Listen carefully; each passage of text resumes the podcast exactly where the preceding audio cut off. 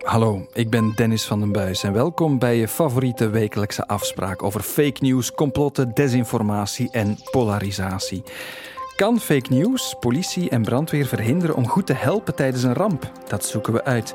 Wat als de informatie op Wikipedia over een bekende persoon niet blijkt te kloppen? En beginnen doen we in de wereld van de wetenschap met iemand die jaagt op sjoemelende professoren. Hoe dat zit, dat ontdek je zo meteen. Welkom.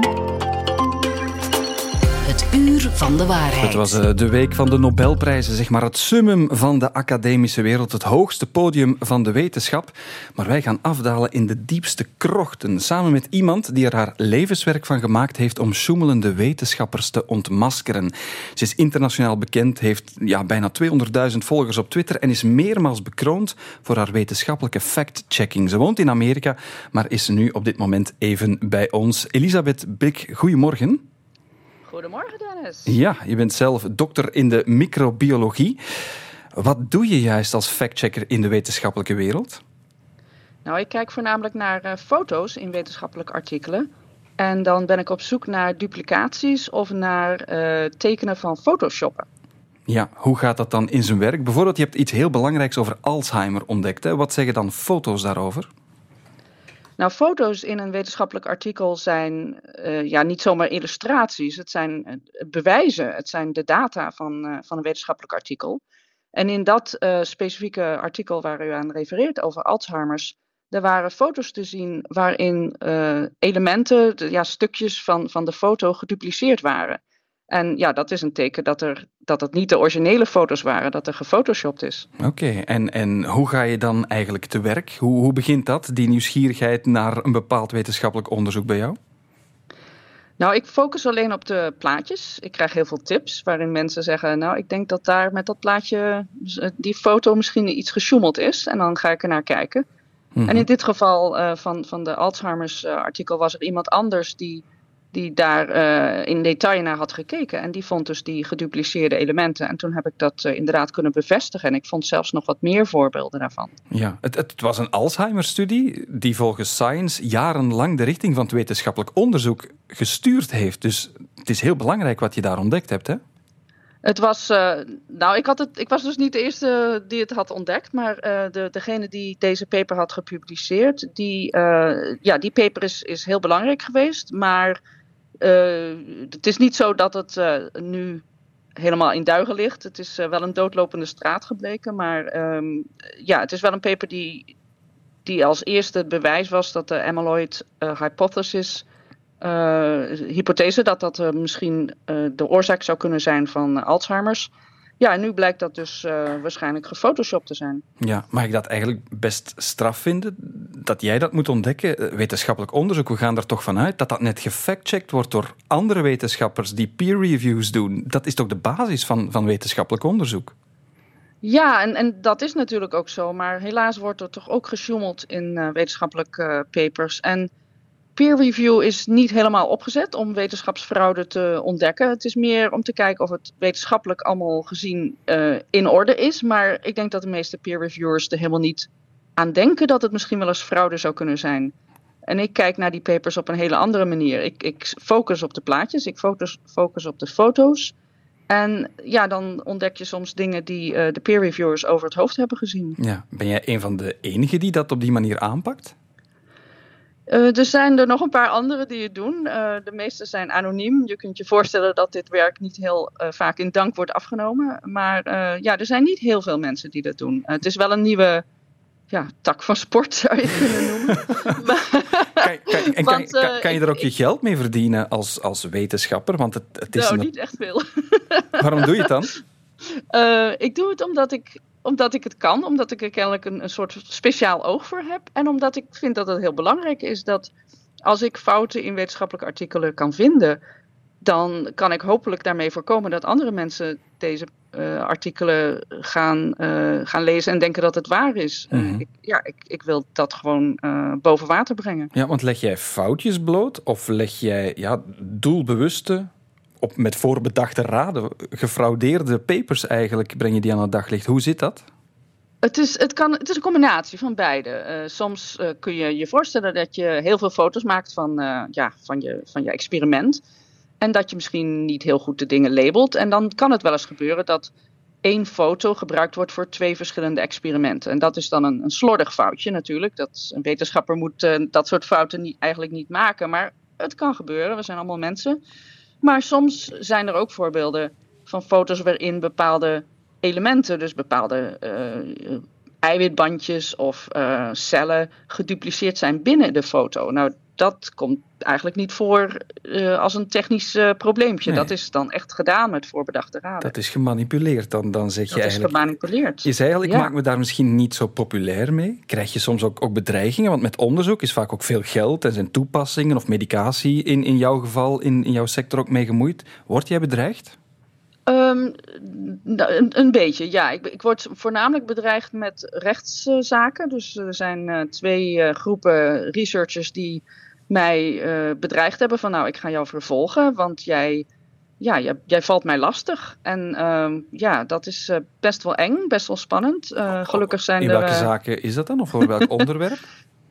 een van de zaken die was um, een Frans Research Instituut, waarin um, die vond twee jaar geleden bij het begin van de pandemie dat hydroxychloroquine dat dat een, uh, een, goed behandelmiddel zou kunnen zijn voor uh, COVID-19, voor corona. En uh, die paper die gepubliceerd werd, en zelfs president Trump tweette daarover. Dat was dat bleekmiddel waar toen sprake van was, hè? Over ja, die anti-malaria-pillen van weleer die Trump precies. genomen had. Ja, ja, die waren het. En, maar dat artikel, dat was, maar, dat was helemaal geen goed artikel. Er zaten heel veel fouten in en slordigheden en, en misschien zelfs wel ja, uh, misconduct, ik, dat, uh, misschien wel wetenschapsfraude. En ik heb daar dus een blogpost over geschreven dat ik het geen goed artikel vond. En ja, de Research Instituut baas, de baas daarvan, die, die noemde mij allerlei vervelende dingen online. Hij vond mij maar een een witch hunter en een, uh, een vrouw van uh, gemiddelde intelligentie. En, en uh, nou ja, hij, hij was er niet blij mee en hij bedreigde mij dus met een rechtszaak. Ja, maar dat deert je eigenlijk niet als ik jou zo hoor. Je doet gewoon, je doet gewoon voort. moet ik nu eigenlijk aan de wetenschap en ook bijvoorbeeld aan de Belgische universiteiten beginnen te twijfelen als ik hoor wat jij toch allemaal ontdekt in de wetenschap? Nou, het is niet zo dat alle wetenschaps, dat dat allemaal fraude is. ik kijk natuurlijk maar naar een heel klein uh, percentage, een paar rotte appels in een, in een mooie fruitmand. Dus de meeste wetenschap is, is goed en vertrouw ik. En, en die hebben we ook nodig om, om de problemen op te lossen waar we als mensen natuurlijk mee uh, te maken hebben, zoals pandemieën en, en klimaatverandering. ik vertrouw volledig in de wetenschap, maar ik ben wel een beetje wantrouwend en vind af en toe een rotte appel in die fruitmand. Ja, zou je ook advies kunnen geven of tips? Aan de universiteiten, bij ons, hoe ze dit toch kunnen vermijden? Dat we niet afhankelijk zijn van mensen zoals jij misschien? Nou, helaas is het zo dat universiteiten dit soort fraudezaken een beetje binnenskamers proberen te houden. Want ze vinden het natuurlijk niet leuk als zo'n zaak boven water komt. En proberen dan een beetje voor, voor de buitenwereld de schijn op te houden dat dat helemaal niet voorkomt in hun universiteit. En ik hoop dat daar verandering in komt. Dat universiteiten daar juist wel uh, ja, die mensen die dat doen, dat ze die ontslaan en niet zomaar uh, aan, laten, uh, ja, aan laten modderen. En, dat, en, dat gebeurt te weinig nu? Ja, dat vind ik wel. De, de, heel veel universiteiten en ook in België helaas hebben dit soort zaken in de doofpot gestopt en proberen, ja, daar helemaal, zijn daar helemaal niet publiek over, helemaal niet Aan openbaar. welke zaken denkt u dan? Nou, ik zal geen namen noemen, maar ja, er zijn bepaalde zaken geweest waarin um, de herhaal, her, herhaaldelijk uh, papers uh, boven water zijn gekomen met mogelijk gefotoshopte plaatjes waarin uh, een Belgisch Research Instituut heeft gezegd, nou ja, dat, er was geen misconduct, het was geen wetenschapsfraude. En over welk instituut gaat het dan? Gemaakt. Wat zegt u? Welk instituut gaat het dan? Kan je dat vertellen? Uh, nou, dat zal ik nu even niet zeggen, nee. ik, uh, ik, wil geen vingers uh, wil geen beschuldigingen uitdoen, maar ik, ik ben gewoon in het algemeen teleurgesteld over hoeveel, hoe dit soort zaken behandeld worden. Oké, okay, op naar de volgende factcheck zou ik ja. zeggen. Uh, Elisabeth Bik, dankjewel om bij ons te zijn en om dit uit de doeken te doen. Oké, okay, graag gedaan. Tot ziens.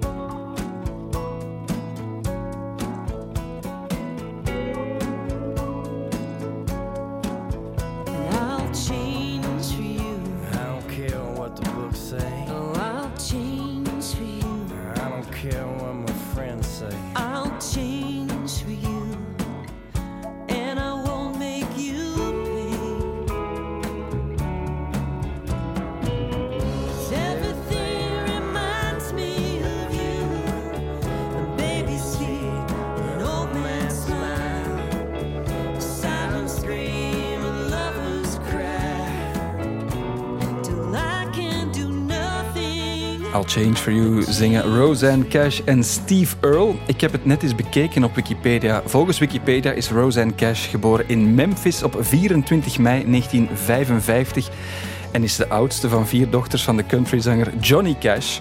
Maar klopt dat wel? Wat als de informatie over bekende mensen op Wikipedia niet klopt? Radio 1. Daar gaan we het nu over hebben, want uh, iemand die dat heel concreet maakt, heeft daar een podcast over gemaakt. Kevin Pierlet, goedemorgen. Goedemorgen. Kevin, hoe heet jouw podcast? De Wiki Podcast. En het concept is eigenlijk heel, heel simpel. Hè? Wat doe je daarin? Ja, dus uh, bij de naam hoor je al Wiki van Wikipedia. En uh, ik overloop eigenlijk de bekende uh, bekende Vlamingen hun, hun Wikipedia-pagina in, in hun bijzijn. En uh, we checken eigenlijk welke informatie al dan niet klopt en of er info ontbreekt. Ja, bijvoorbeeld, dat heb je gedaan. We gaan even luisteren met Axel Dazeleren, de acteur. Axel Dorothee Mark Dazeleren, dat is uw volledige naam, dat klopt? Nee. Nee? Mark, Axel, Dorothee Mark Daniel Gisleen. En voilà, dan hebben we al meteen de Gisleen eerste fout. is de patroonfamilieheilige van alle Dazeleiders. Ah. En die moet er dus zeker bij. Ja, dat begon al goed. Dat klopte meteen al niet. Uh, Kevin, hoe ben je eigenlijk op het idee gekomen om ja, wat er op Wikipedia staat te checken aan de realiteit met de mensen zelf? Goh, uh, het begon eigenlijk met dat ik Kobe Ilse uh, opzocht. En ik wou eigenlijk wel weten wat dat hij deed voordat hij presentator werd. En um, ja, welke, welke richting dat hij allemaal deed. En mm -hmm. toen ben ik mij iets gaan verdiepen in Wikipedia en dan begon ik zo te beseffen, tja, niet alle informatie staat hierop en sommige informatie klopt ook niet. Ik dacht van, ik ben zelf ook een, een vervente podcastluisteraar en ik dacht van, het lijkt me wel eens leuk om, om, om hier iets uh, aan te doen. Ja, en uh, dan ben je aan de slag gegaan. Um, je hebt heel wat dingen ontdekt hè, over bekende mensen die niet kloppen. We hebben Axel Daasleren ja. al gehoord. Wat schiet je nog uh, meteen in, in je geest? Christophe Stienlet. Uh, die zijn uh, normaal op Wikipedia staat er de dag uh, wanneer je geboren bent en ook de maand. Mhm. Mm -hmm. En bij hem stond die dag en die maand er zelfs niet bij. En het toppunt treft ook dat, dat zijn geboortejaar met twee jaar verschil fout was. Oké. Okay. Hij kwam er wel jonger uit, dus zo erg vond hij dat niet. Maar ja, dat is toch wel info dat, dat fout is. Ja, het is, Wikipedia wordt nogthans door heel veel mensen aanzien als een, een neutrale bron, omdat net zoveel mensen daarover kunnen gaan. Maar dat klopt dan, dan eigenlijk niet hoe kijk jij daarnaar als je merkt er is hier iets fout over mijn gast? Ja, um, ik, ik vind het wel belangrijk dat alles op Wikipedia staat dat dat juist is, want veel mensen bekijken dat als uh, eerste bron, als, als heel betrouwbare bron, terwijl dat, uh, dat, dat totaal niet het geval is. Allee, bij sommige dingen natuurlijk, som, veel dingen wat, er, uh, wat erop staat, klopt wel natuurlijk. Mm -hmm. um, maar ja, ik vind, ik vind wel belangrijk dat als dat erop staat wel juist is. Ja. ja. En heb je dan ook dingen proberen te wijzigen naar aanleiding van wat je gehoord hebt? Ja, ja dat, dat hebben we geprobeerd, maar er is zo'n heel community rond Wikipedia. Dus vanaf het eerste kleine leesteken dat je verandert, krijgt iedereen dat uh, al op die pagina iets heeft aangepast een melding van kijk, Kevin Pierlet heeft uh, iets aangepast en dan beginnen ze berichten te sturen en, en, waarom pas je dat aan en dit en dat. En toen dacht ik van ja, omdat Manu Kersting, een van mijn gasten, dat ook zo wil dat het uh, wordt aangepast. Acteur, bekend uit Matroeskas ja, in de ja, tijd ja, nog bijvoorbeeld. Dus, dus die had iets fouts gezien of wilde iets aanvullen. Jij past dat aan op Wikipedia en dan schiet die machine in werking. Is het nu aangepast op Wikipedia? Van Manu, van Manu Kersting is aangepast, maar de rest nog, nog niet allemaal, nee. Nee, en helpt dat dan als je zegt, ja, maar ik heb het uit eerste hand? Of totaal niet? Is dat een community op zich die eigenlijk heel wantrouwig is tegen mensen die iets aanpassen? Ja, je, je moet dat natuurlijk altijd je bronnen weergeven. En uh, ik zeg dat, ja, ik heb, ik heb met die mensen een podcast uh, ge, ge, allee, opgenomen. En dan, en dan nog zijn ze redelijk wantrouwig, toch wel. Ja, ja, dus het is heel moeilijk als je over jezelf bijvoorbeeld iets, ja. iets ontdekt of, of een instelling waar je werkt of meer over weet, om dat recht te trekken. Ja, ik, ik denk dat het ook een soort van een, iets egocentrisch is, dat die mensen ook wel van, ja, ik, ik heb dat erop aangepast en ik wil dat dat mijn stukje blijft, blijft bestaan op Wikipedia. Ja, je hebt met je, met je podcast, de Wiki-podcast, nu ook een prijs gewonnen bij de collega's van, van DPG om je Ja. droom waar te maken. Ja. Wat is die droom als het gaat over die fact-checking rond Wikipedia en eh, BV's, Kevin? Uh, m- mijn droom is eigenlijk redelijk simpel, gewoon uh, het tweede seizoen uh, gaan beginnen opnemen. En, en wie wil je daar aan je microfoon hebben? Goh, um, Het is het moment, hè? Ja, Filip Joos, als je luistert, heel graag. Ja, ik kijk echt uh, geweldig op naar die man. Ja, Denk je dat er dingen niet, niet kloppen aan het uh, Wikipedia-profiel van Filip Joos? Goh, dat weet ik niet. Uh, maar wat ik wel weet, dat zijn Wikipedia-pagina redelijk beperkt is. Dat okay. wel. Dus, dus daar kan aan gewerkt worden. Bij deze is de uitnodiging verstuurd. De Wiki-podcast ook te vinden op alle platformen, kan ik me voorstellen. Spotify, Apple Podcast en YouTube. Ja, en dat doe je als student, want dat ben je nog, een jonge kerel, erbij tussendoor. Kevin Pierlet, dankjewel om uh, even hier te gast te zijn en succes met je tweede seizoen. Dankjewel. Het uur van de waarheid. De checkers. Super, Luc van Bakel, onze collega, de chef van de factcheck-redactie, die elke week langskomt met de opmerkelijke factchecks van de week. Luc, goedemorgen. Goedemorgen, Dennis. Deze week ga je het hebben over bekende mensen, heb ik begrepen. Ja, klopt. En dan uh, vooral over hoe die uh, misbruikt worden in nepverhalen en op welke manieren dat, dat dan gebeurt. Ja, we beginnen in Hollywood met een bekende man. George Clooney, de acteur, voor velen ook uh, de man van de koffiereclame. En het gaat dan in deze om de kledij die hij draagt. Want er gaat een foto rond op het internet waarop je hem ziet uh, rondlopen met een anti-Trump t-shirt aan. Met onder meer een hakenkruis op en zo. En de man is niet bepaald een fan van de vroegere Amerikaanse president. Dus het zou waar kunnen zijn. Ja? Maar Dennis, ja, je kan het misschien al raden. Het is niet waar. De foto is gefotoshopt. En hoe je dat kan zien, legt collega uh, Jeff Kouwenbergs uit. Wat je vaak al kan doen, is in Google gewoon intikken wat je ziet. Bijvoorbeeld George Clooney t-shirt anti-Trump. Dan kom je vaak al terecht bij factchecks van veel grotere media, zoals Reuters. Vind je dat niet onmiddellijk, dan kan je ook altijd op zoek gaan naar de originele bron van de foto. In dit geval hebben we dat gedaan via TinEye, dat is een heel handige website. En zo vonden we eigenlijk een foto van Clooney met een heel ander t-shirt. Oké, okay, dus George Clooney droeg die een anti-Trump t-shirt. Er wordt veel te veel gelogen tegen ons.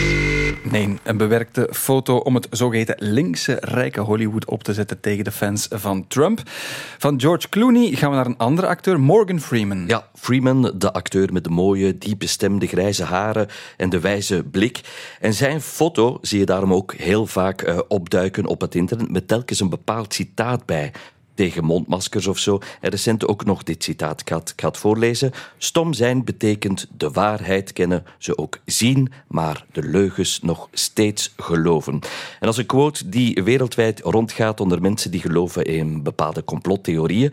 Alleen die man, Freeman, heeft die nooit uitgesproken. En trouwens, al die citaten niet. Het zijn er echt veel. Je moet dat maar eens intypen mm -hmm. op Google. Okay. Maar Dennis, hoe kun je nu eigenlijk controleren of zo'n citaat bij een bekende persoon of bij een wetenschapper, dat dat ook echt van die persoon is? Dat... Ik heb het gevoel dat jij me dat gaat vertellen. Nee, ik ga dat niet vertellen. Dat ah. gaat de factchecker Rien Emery vertellen. Wat je echt wel nodig hebt, is een bronverwijzing. Als het gewoon een prentje is met het hoofd van die persoon en die quote ernaast, wees een beetje argwanend. En dan zijn er een paar aantal specifieke websites waar je naartoe kan gaan. De tofste is misschien wel Quote Investigator. Dat is van een Amerikaanse onderzoeker die al meer dan tien jaar ja, allerlei populaire quotes die worden toegeschreven aan allerlei historische figuren onderzoekt of die wel echt door hen zijn uitgesproken. En daarnaast heb je ook uh, Wikiquotes. Dat is een grote Wikipedia-achtige pagina met quotes van mensen. En daar zitten uh, ja, moderatoren achter. En die hebben zelfs lijstjes gewoon al met verkeerd toegeschreven citaten. Oké, goede tips dus. Want die quotes van bekendheden die zijn vaak toch ja, iets te veel fout en kloppen niet. Zo weten we dus hoe we dat moeten checken. We blijven in Tinseltown, niet bij acteurs, maar wel over, gaan we het hebben over rappers nu. Rappers Jay-Z en Kanye West meer uh, bepaald.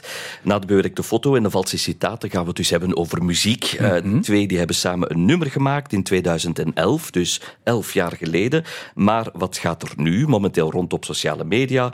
Dat ze in dat nummer uit 2011 de coronapandemie hebben voorspeld. En dat moet blijken uit uh, dit fragment. Goed luisteren, Dennis. In 2020, there will be a little pandemic named COVID-19. COVID-19, that's what he said. So all your Wauw, dus in 2020 there will be a pandemic COVID-19. In 2011 al voorspeld. Is dat echt? Wel, het klinkt echt, maar we hebben het toch laten onderzoeken door collega Dorien van Meldert. Nee, het gaat hier eigenlijk om een vervalste versie van het lied, een, meer bepaald een fragmentje uit het lied. En we hebben dat heel snel kunnen checken door gewoon naar de zoekmachine Google te gaan en daarmee het originele lied van 2011 op te zoeken. Zo kwamen we al snel op de originele versie uit uit 2011 op YouTube. En als je dan de lyrics, de songtekst beluistert, hoor je dat er helemaal niets over de coronapandemie ingezegd wordt. Oké, het is een video die opnieuw honderdduizenden keren bekeken, gedeeld is. Maar hebben ze echt die pandemie voorspeld? Zever, gezever. Bij deze helemaal ontmaskerd als volledig nep. Luc, al die verhalen, waar kunnen we die nalezen? Zoals altijd is dat op de pagina van decheckers.be. Ik zie jou heel graag volgende week opnieuw. Luc, tot dan. Tot dan. Het uur van de waarheid. Over exact een maand vinden de tussentijdse verkiezingen in de Verenigde Staten plaats. De midterms. En die zijn heel belangrijk, niet alleen omdat de 435 zitjes in het huis voor het grijpen liggen, 35 in de Senaat, maar ook omdat er een veel groter thema heerst, namelijk wat met de democratie? Worden deze verkiezingen opnieuw gekaapt door fake news en wat met de polarisering die daar het gevolg mogelijk van kan zijn? De campagne loopt volop. We gaan al eens vooruitblikken met eh, Peter van Aalst, politicoloog en Amerika-kenner aan de Universiteit Antwerpen, die ook in de States gewerkt en gewoond heeft. Meneer van Aalst, goedemorgen. Goedemorgen. Ja, misschien een startvraag. Deze campagne wordt die opnieuw overschaduwd door fake news. Wat is uw inschatting? Overschaduwd is een groot woord, maar het speelt volop. Hè. Mhm. Uh, ik denk de, heel belangrijk is nog altijd dat debat over zijn die verkiezingen van 2020 nu gestolen, hè, zoals Trump beweert. Ja, en maar liefst 70% van de republikeinse kiezers gelooft dat ook. Hè. Dus dat, er is wel een algemeen idee dat de verkiezingen in Amerika niet meer eerlijk verlopen. Ja. En, en, en dat is natuurlijk een probleem. Hè? Ja. Maar hoe denken mensen dan over die nakende midterms als ze al geloven dat in 2020 die verkiezing gestolen was, dat Trump de overwinning is afgenomen? Ja, er gaan heel veel verhalen de ronde van ja, dode mensen die komen stemmen of alle uh, stemcomputers die gemanipuleerd zijn en zo. En er wordt ook echt opgeroepen van, kijk, wij moeten ook naar die stembus gaan, wij moeten dat proces mee in het oog gaan houden. Um, dus ik, ik, kan me wel voorstellen, dus er is heel veel zenuwachtigheid rond, maar ook dat er wat schermutselingen en zo zullen zijn op die dag van de verkiezingen, omdat ja, heel dat proces mee in vraag wordt gesteld. Dus dat burgers gaan zeggen, ik wil hier met mijn neus op dit kiesbureau uh, zitten ja. om te kijken wat er gebeurt. Dat verwacht u? Ja, ja, dat verwacht ik wel. Uh, of dat dat dan, ik verwacht niet meteen dat dat Afrikaanse toestanden zal leiden waarbij er gevochten zal worden en zo, maar ik, ik verwacht wel meer spanning daar rond. En vooral wat je nu ook ziet op sociale media, is dat er worden filmpjes rondgestuurd van kijk, in dat stembureau is in 2020 heeft die vrouw een, een, een hele hoop stemmen weggekapt. En dan zie je een vrouw een handeling doen, maar je kan totaal niet uitmaken of dat daar effectief iets fout gebeurt. De meeste van die zaken zijn allemaal ontkracht. Um, dus ja, bereik, het is, het is bereiken die ook het publiek dat daarin gelooft, die ontkrachting? Want dat is met fake news, dat dat vertrekt. En heeft dat dan nog ja. impact als je dat ontkracht? Bijvoorbeeld als, als je nu overtuigd bent dat de verkiezingen gestolen zijn in 2020, mm-hmm. helpt dan zo'n factcheck? Voor de meeste van die mensen niet meer. Nee, daar moeten we eerlijk in zijn, dat is, dat is pijnlijk. Um, anderzijds denk ik dat er wel iets speelt dat ook voor een aantal, uh, ik, ik zal ze noemen, de middengroep van conservatieve kiezers, die daar dan toch niet in meegaan, dat heel veel van dat complotdenken hen ook wat wegduwt van de Republikeinen. Dus ik ben niet altijd zeker of al dat complotdenken, en, en vaak aangevoerd door wat extremere kandidaten die daar helemaal in meegaan, heel slim is om de verkiezingen zelf te winnen. Ja. Dus daar ben ik niet helemaal zeker van. Dat kan twee kanten uit. Maar het is evident dat een hele grote groep kiezers in de Verenigde Staten daarin meegaat. Hè? Ja, u, u, spreekt nu over de Republikeinen. We hebben dat voorbeeld van Trump aangehaald. Zijn er bij de Democraten ook ja, van die kokers waar mensen in kunnen zitten met, met berichten die eigenlijk totaal niet kloppen, maar die wel een invloed hebben op hun stemgedrag? Die zijn er, maar die zijn veel minder. Dus um, ja, we moeten toch vaststellen dat dat uh, vooral leeft rond die verkiezingen. En heel die Stop the Steal-campagne die Trump zelf heeft uh, aangezet eigenlijk, hè, dus mee heeft in gang gezet en die nog altijd leeft, dat het heel sterk langs die kant leeft. Dat wil niet zeggen dat er ook af en toe uh, verhalen in het andere kamp leven, maar wat je nu ook ziet is een, een heel polariserend thema, zoals alles rond homorechten, transgenders en zo, dat dat ook weer vooral toch langs rechterzijde uh, wordt aangegrepen om allerlei ja, indianenverhalen, als ik het zo mag noemen, de wereld in te sturen. Ja, hoe, hoe, ja, hoe spelen die politici daarop in? Want, want u zegt ook, ze verspreiden dat doelbewust? Of gebeurt dat? Ja. Uh, ja is, zit daar een agenda achter? Ook complottheorieën zoals QAnon worden dan ook vaak vernoemd. Met andere woorden, zit daar een grote visie achter? Of gebeurt dat onstoemelings dat ze dat maar verspreiden op hun kanalen? Ja, ik denk twee zaken. Ik denk er zijn een aantal uh, nieuw verkozen republikeinse parlementsleden die daar echt in meegaan, die ook een uh, wat extremere aanhang hebben. En zo zag ik uh, onlangs van een, van een parlementslid die verspreidde dat in een kleuterschool in North Carolina, dat daar een zwangere man de kindjes de kleuren leerde aan de hand van de regenboogvlag van de LGBTQ-gemeenschap.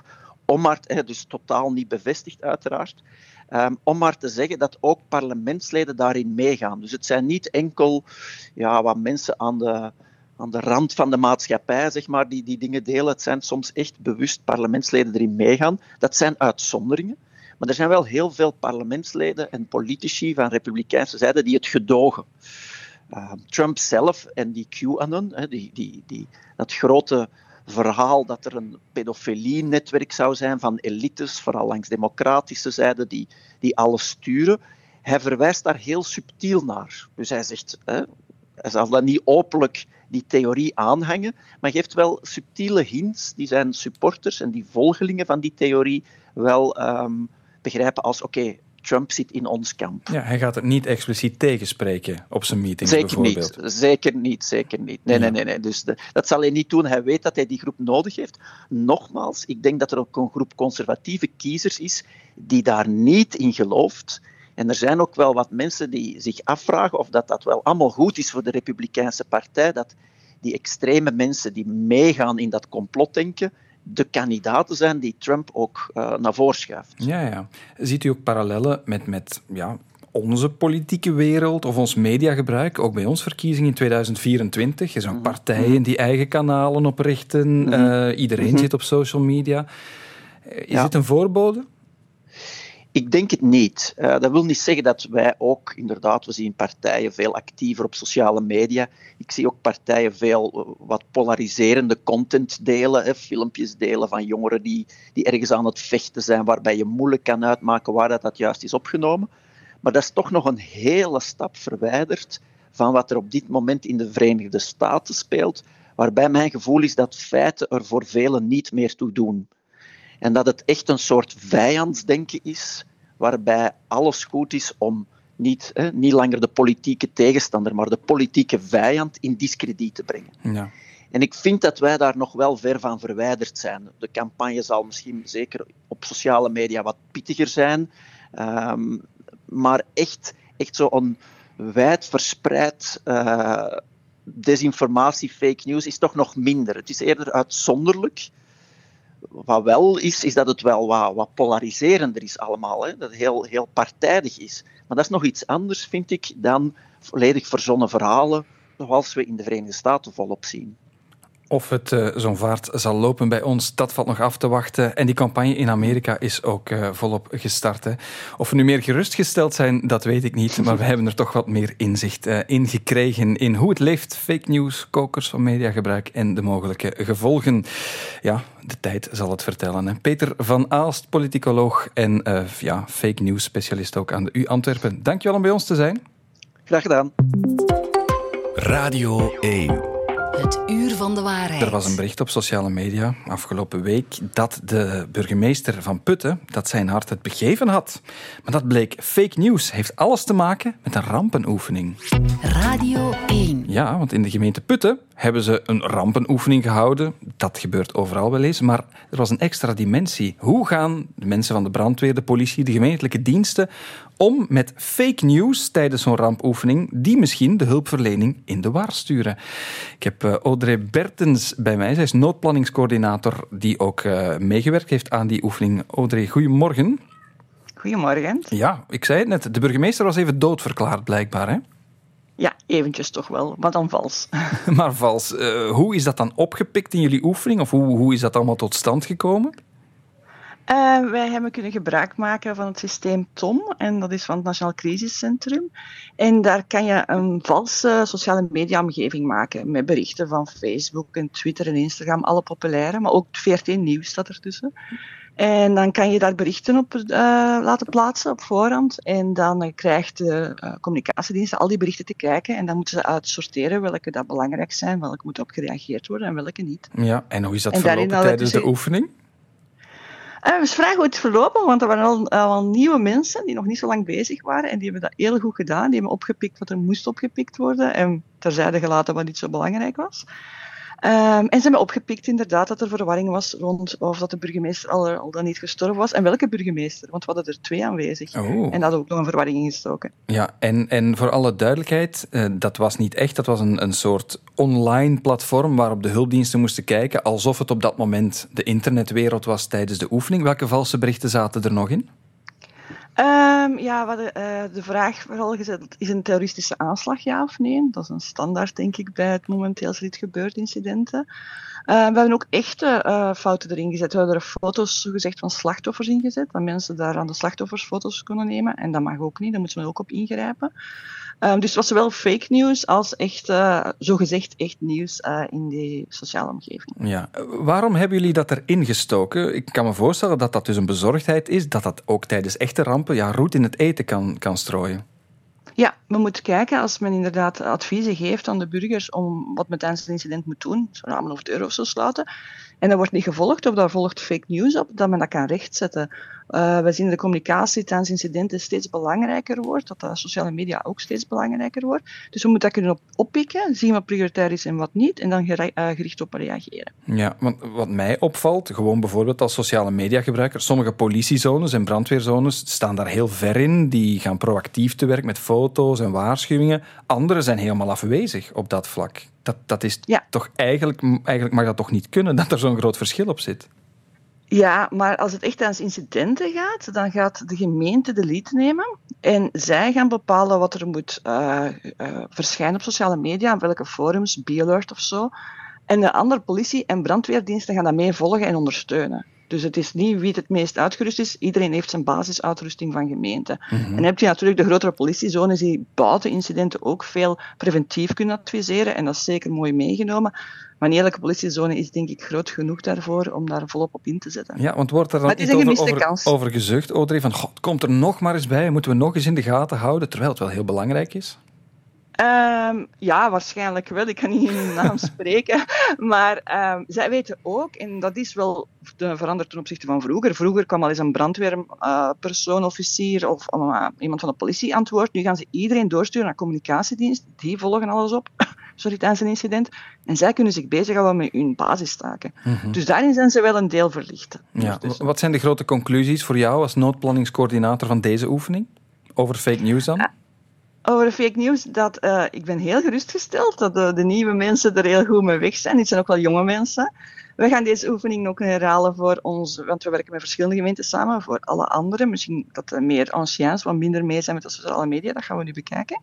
Um, en dat men heel goed een prioriteit kan maken, dat is wel belangrijk. Want niet elk fake news moet je op dat moment direct op reageren als één persoon of zo dat meldt. Goh, het zijn andere zaken die meer onze aandacht hebben. Dus je mag niet op alles springen en men heeft het meest belangrijke eruit gekozen. Ja. dat was een geruststelling. Er moet goed gefilterd worden, wat meteen weerlegd moet worden misschien. Uh, ja. Maar uh, het is iets waar lokale besturen en hulpdiensten dus niet meer buiten kunnen. De filter van het fake news ten tijde van rampen. Noodplanningscoördinator uh, bij die oefening in de gemeente Putten. Audrey Bertes, dankjewel om bij ons te zijn. Graag gedaan. Dat was het voor dit uur van de waarheid. Ik heb geleerd dat de Belgische universiteiten best wat forser mogen ingrijpen tegen sjoemelende wetenschappers.